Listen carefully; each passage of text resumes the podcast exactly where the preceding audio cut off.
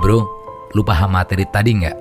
Jika kata-kata itu sering keluar dari mulut kita, bisa dianalogikan kita secara akademis adalah orang yang bodoh. Tapi sebentar, tahu nggak? Orang-orang itu belum tentu menjadi orang yang terbelakang. Kenapa? Yuk kita cek beberapa profil orang-orang hebat berikut ini. Pertama, Thomas Alva Edison. Pulang dari sekolah, Tommy atau Thomas Alva Edison membawa selembar kertas dari gurunya untuk diberikan kepada orang tuanya. Isi kertas itu cukup mengejutkan. Kertas itu bertuliskan, Tommy anak ibu sangat bodoh. Kami minta ibu mengeluarkannya dari sekolah. Ibu Tommy terhenyak membaca surat tersebut. Namun ia segera membuat tekad yang teguh. Anak saya Tommy bukan anak yang bodoh. Saya sendiri yang akan mendidik dan mengajar dia.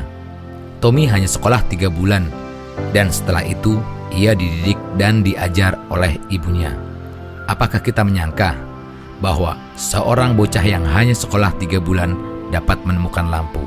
Kedua, Albert Einstein. Albert Einstein saat masih kecil mengidap autisme.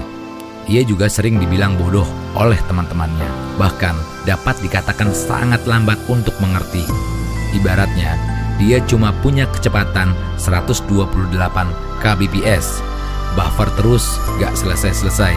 Tapi karena dia gigih dan mempunyai semangat hidup yang tinggi, Einstein yang tadinya dibilang bodoh oleh teman-temannya, suatu hari dapat membuktikan diri dengan memperoleh penghargaan Nobel dari fisika pada tahun 1921 atas kepandaiannya yang dapat mengemukakan teori relativitas yang dikenal dengan rumus Einstein yaitu E sama dengan mc kuadrat.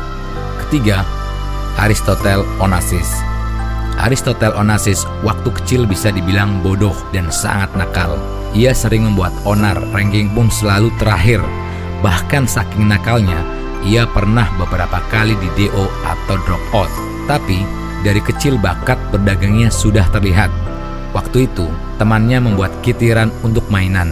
Aristotle pun ikut membuatnya.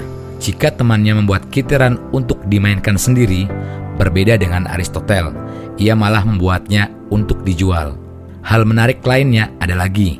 Pernah ada kejadian suatu pabrik pensil kebakaran. Aristotle pun mendatanginya. Dibelilah pensil-pensil yang terbakar itu.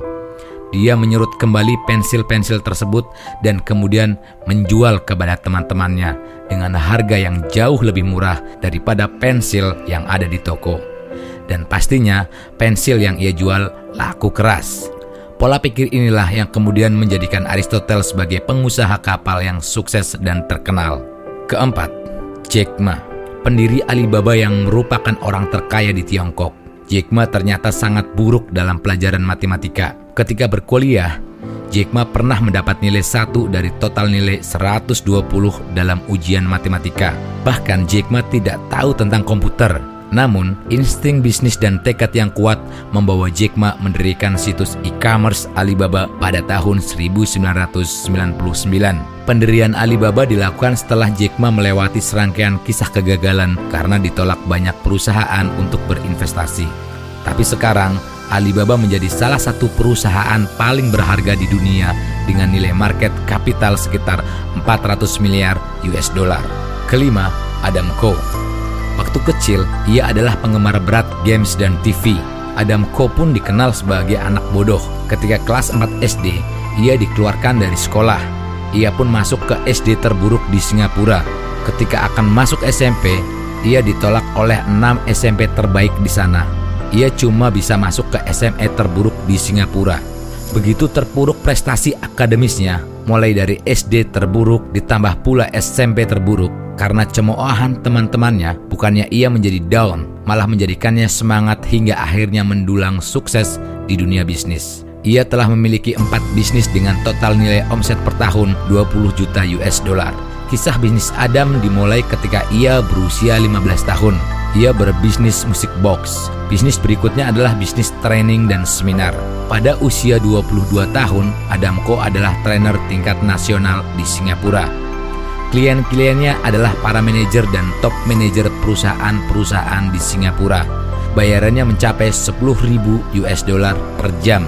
Keenam, Susi Pujiastuti. Tak ketinggalan dari Indonesia pun memiliki figur yang cukup menarik. Kita semua pasti tahu, Susi Pujiastuti adalah mantan Menteri Kelautan dan Perikanan Indonesia. Berlatar pendidikan yang hanya lulusan SMP, ia keluar dari sekolah pada kelas 2 SMU dan lebih memilih berjualan spray, baju, hingga tengkulak cengkeh. Setelah mendapatkan pengalaman dari berjualan, ia kemudian melirik potensi hasil laut di Pangandaran dari seorang siswi berseragam, ia menjelma menjadi tukang jualan ikan laut segar. Naluri Susi Pujiastuti tidak bisa berhenti untuk berpikir.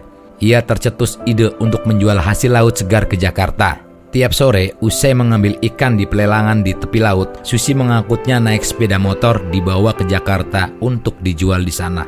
Ia melakukannya setiap hari, tidak peduli cuaca panas atau angin besar, bahkan hujan badai sekalipun. Ia tetap kekeh untuk perjualan. Dengan ambisi dan semangatnya yang tinggi, ia berhasil menjadikannya sebagai salah satu menteri pada kabinet kerja periode 2014-2019. Jadi, sampai di sini kita dapat menarik kesimpulan bahwa nilai akademis bukan merupakan suatu tolak ukur kesuksesan. Jika kita mempunyai semangat dan kemauan yang tinggi, kesuksesan pun dapat kita raih, meski nilai dalam ijazah tidaklah indah.